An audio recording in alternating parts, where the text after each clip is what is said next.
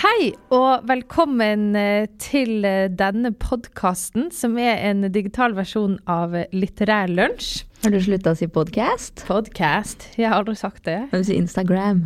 Instagram. Gram. Eh, mitt navn er Marie Amdam, og ved min side har jeg Charlotte Mybråten. Og vi jobber i programavdelingen her på biblioteket.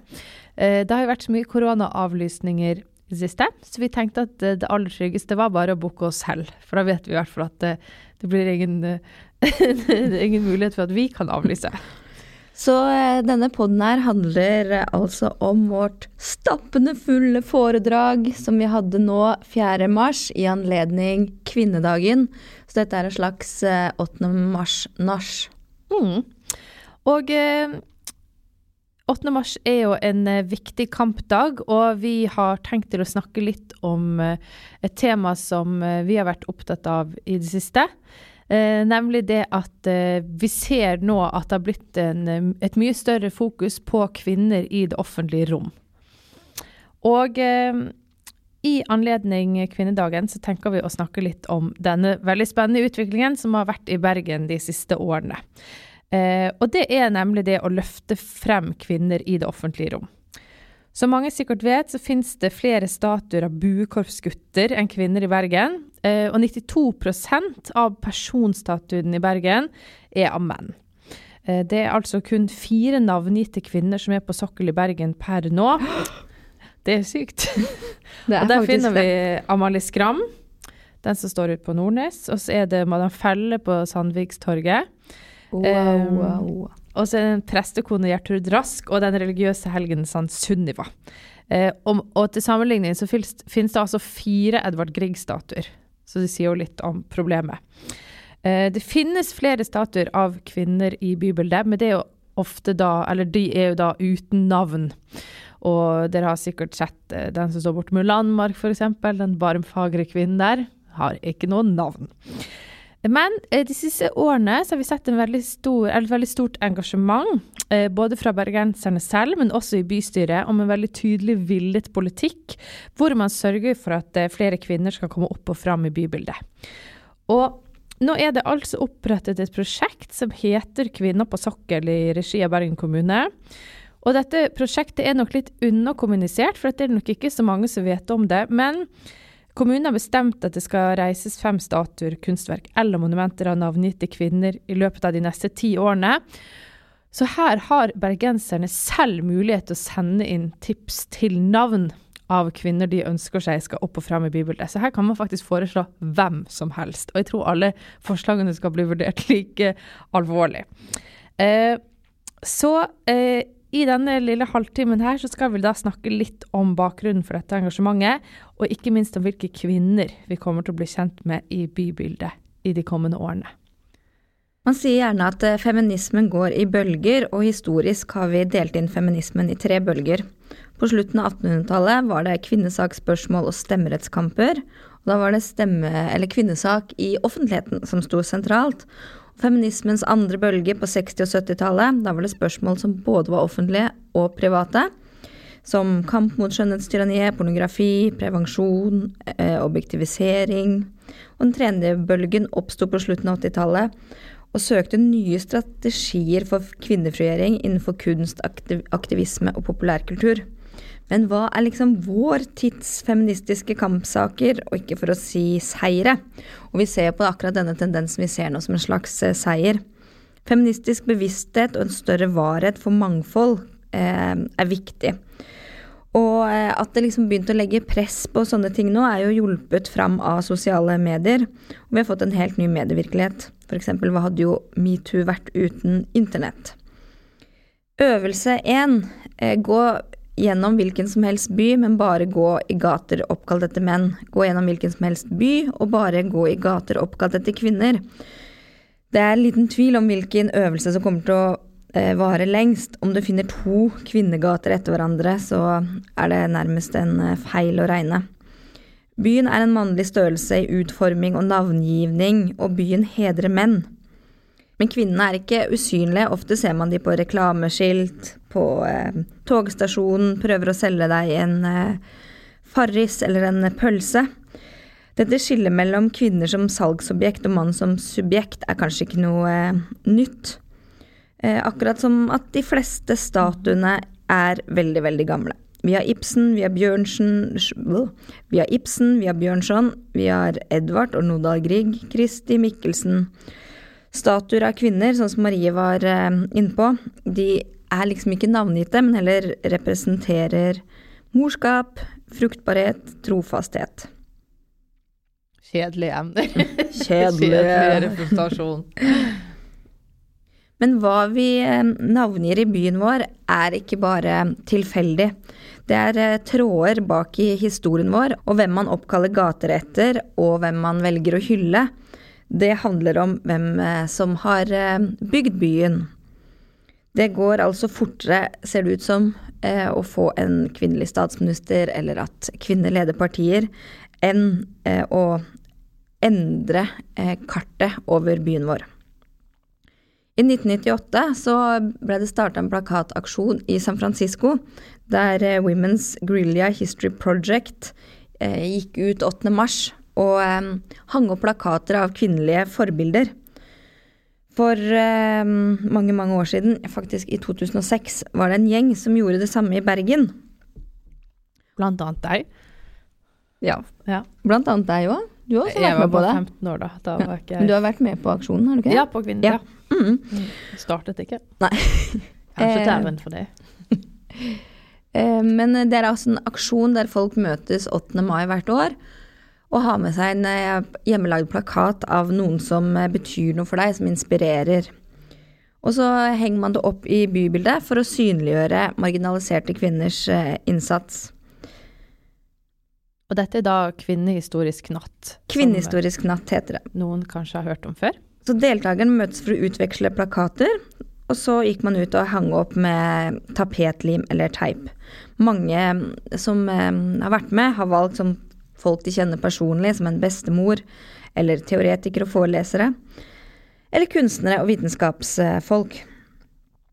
Og denne aksjonen har etter hvert spredd seg til veldig mange norske byer, men også både til England og Sverige og Russland. Nå ser det ut som at det er mest eh, døde mennesker som gir navn til gater og plasser. Selv om Bergen kommune, som du nevnte innledningsvis, har en eh, plan om å hedre flere kvinner, så skulle vi ønske at det var enda mer eh, progressivt. Hvem er det som tar eh, ansvar for å virkelig endre situasjonen vi befinner oss i? Hvem tør å si at f.eks. de neste 30 personlige gatenavnene skal være viet kvinner? Det har, For noen år siden så var det jo en diskusjon om man skulle opprette en ny Knut Hamsuns plass eller gate. Vi hadde jo vært mye mer happy hvis det hadde blitt f.eks.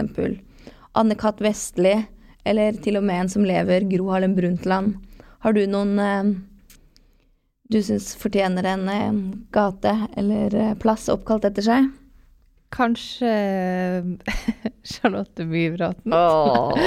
Nei, vi har masse flotte feminister her i Bergen, som uh, Odny Milleteigs plass, f.eks. Mm. Det burde jo komme etter hvert.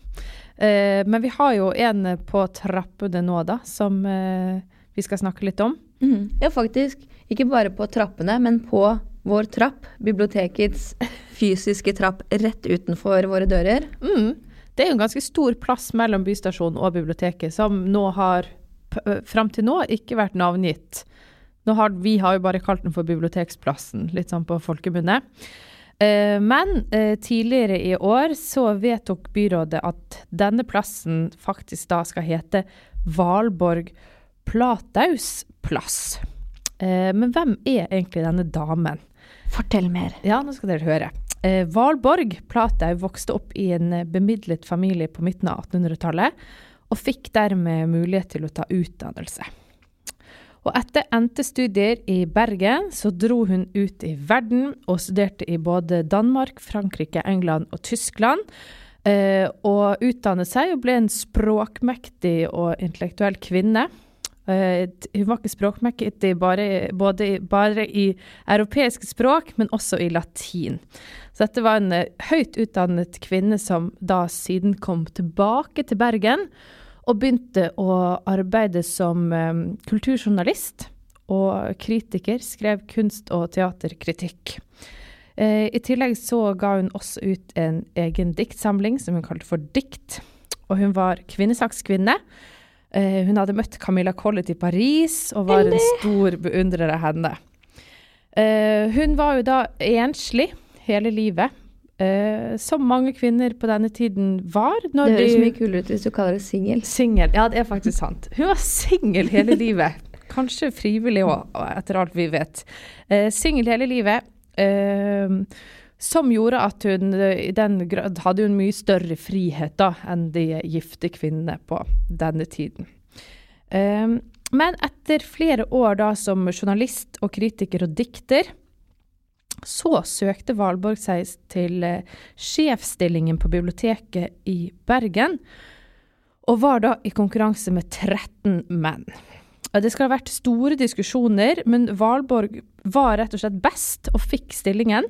Året er altså 1883, og Norge har da fått sin første kvinnelige biblioteksjef, og det skjer da her på Bergen offentlige bibliotek. Eh, dette var et ganske breialt valg. Eh, det var radikalt at en kvinne hadde vunnet over en så høy, stor rekke med utdannede menn. Så dette var jo sikkert både litt sjokkerende, men ikke minst en um, stor seier da, for kvinnesaken. Jeg har jo hørt dette mange ganger før, men jeg får likevel gåsehud nå når du forteller om det. Jo, men det, 1883, liksom. Det er jo helt utrolig. Um, men altså, før Bergen offentlige bibliotek eh, flyttet inn i disse lokalene vi kjenner i dag, den store murebygningen i enden av Nygårds, uh, Lungårdsvannet, uh, så var Bergen offentlige bibliotek litt sånn stusslig plassert i loftet på Kjøttbasaren. Ehm, og det er var... derfor den eh, baren altså der heter Biblioteket Bar. Ja, det kan ja. man tenke på neste gang. En gang var det noen som spurte meg ja, du jobber på biblioteket, jobber du på baren eller mm. bokhuset? så måtte jeg dessverre si at det ikke var barn, mm. men det er ekte. Eh, men så da, når Valborg da tar over som eh, sjef på biblioteket, så er hun da sjef på Kjøttbasaren på loftet der. Eh, og hun så jo det at biblioteket i Bergen virkelig var i utvikling. Eh, det kom flere og flere verk, og lånertallene begynte å gå til værs. Og bergenserne begynte virkelig å benytte seg av dette fantastiske tilbudet som biblioteket er. Men Kjøttbasaren det var rett og slett for trangt. Og I tillegg så var det sånn kjempedårlig isolert, og eh, bøkene ble ofte klissvåte etter sånn skikkelig bergensbyger. Og i tillegg så var det rotter som spiste bøkene. Og ett år skal rottene ha spist over 100 bøker. Flinke rotter. Det er kunnskapstørste rotter. Men hun forsto jo da, Valborg, eh, viktigheten av dette å ha et offentlig og tilgjengelig bibliotek for hele byen. Og hun sa selv at biblioteket er til for å spre lys, kunnskap og forfriskning i vår bys tusen hjem, og særlig i de små hvor lyset hardest trengst. Det er jo veldig fint at hun tenkte på de som var litt vanskeligere stilt. Uh, og etter sine utallige europareiser så hadde hun jo sett sånne flotte, nye og store biblioteksbygg reises over hele Europa, og hun så da at Bergen trengte et eget bibliotek. Konsul Børs oppfordret henne til å samle inn penger til en egen bygning. Uh, apropos gatenavn, han har jo allerede en gate på Møhlenpris, men hvem er han egentlig? Not so interesting. I hvert fall ikke i denne historien. Men han oppfordret henne til å begynne å samle inn penger på egen hånd. Og han sa at hvis hun klarte å skaffe 100 000 kroner, da burde byens fedre hjelpe til med de øvrige summer.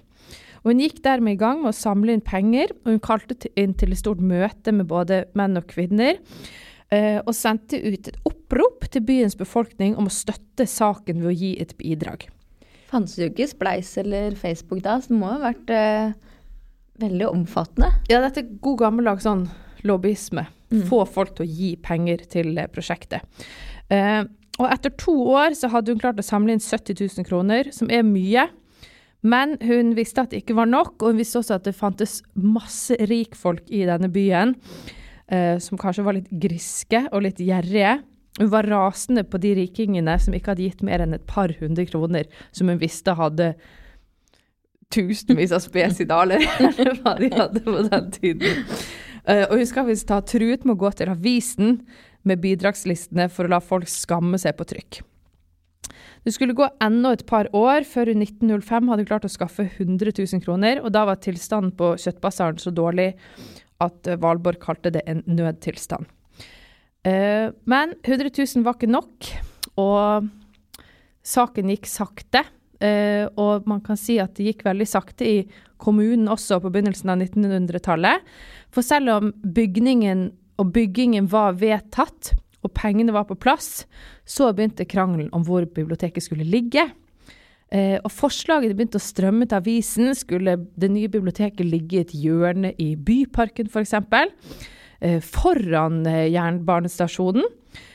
Mens kommunen ønsket at biblioteket skulle til Engen, eller egentlig rett der ved Tårnplass og Hva heter det bygget? Tinghuset? ja, Tinghuset. På side Ja. Eh, der hvor ting bestemmes. Tinghuset. Eh, men til slutt så falt valget på det de kalte for Barneparken, noe vi kanskje ikke kjenner til i dag. Men det er altså dette området eh, ved enden av Lille Lungårdsvann som biblioteket nå befinner seg på i dag. Barneparken ble dette området kalt. Eh, og arkitekten gikk i gang å tegne, og så jo da at dette nye, flotte, moderne huset ble veldig dyrt. Og da måtte Valborg be folk bla opp pengepungen igjen. Og til slutt så fikk de inn 180 000. Det er helt vanvittig. Det er jo dritmye nå. Hun har vært kjempeflink. Og kommunen bidro faktisk kun med 50 000 til inventar. Altså en, en, en lusen sum i det store regnestykket, vil jeg si. Og det som er litt pinlig for Bergen kommune, er jo nemlig det at på eh, utsiden rett ved hovedinngangen vår, så står det at bygget er reist av Bergen kommune. Men det er altså en løgn. For det er mm. nemlig Valborg Platau som på eget initiativ samlet inn disse pengene, og bygget er jo da reist av private midler fra Bergens befolkning. Så dette huset er rett og slett bygd av og for bergenserne. Og kommunen har faktisk ikke bidratt så mye som de skal ha det til. Så den planketten der burde vi egentlig fått endret på. Den kan du komme og hente, Roger Valhammer, hvis du hører på. du og Katrine Nødtvedt, her må dere inn og sende den til sånn en smed, så kan skrive den på nytt. Eh, men eh, det skulle ta mange år før selve huset var ferdig bygd. Og Valborg gikk jo av med pensjon i 1909. Da fikk hun rett og slett kongens fortjenestemedalje i gull for den utrolige innsatsen hun gjorde med å skaffe penger til et nytt biblioteksbygg, og at hun da var Norges første kvinnelige biblioteksjef. Og i 1917 så sto huset klart, og er det huset vi befinner oss i nå. Strømgaten nummer seks. Ja.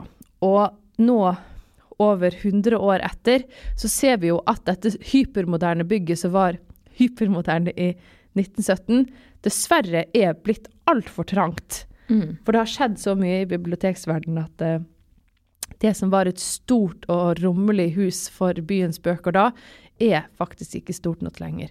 Så vi får se hvor mange tiår det går til neste gang man eh, får et oppdatert bygg. Kanskje vi skal bare begynne å samle inn, du og jeg? Kanskje vi mm. faktisk bare må følge Plataus forspor og gjøre det selv. Plataus døtre. ja.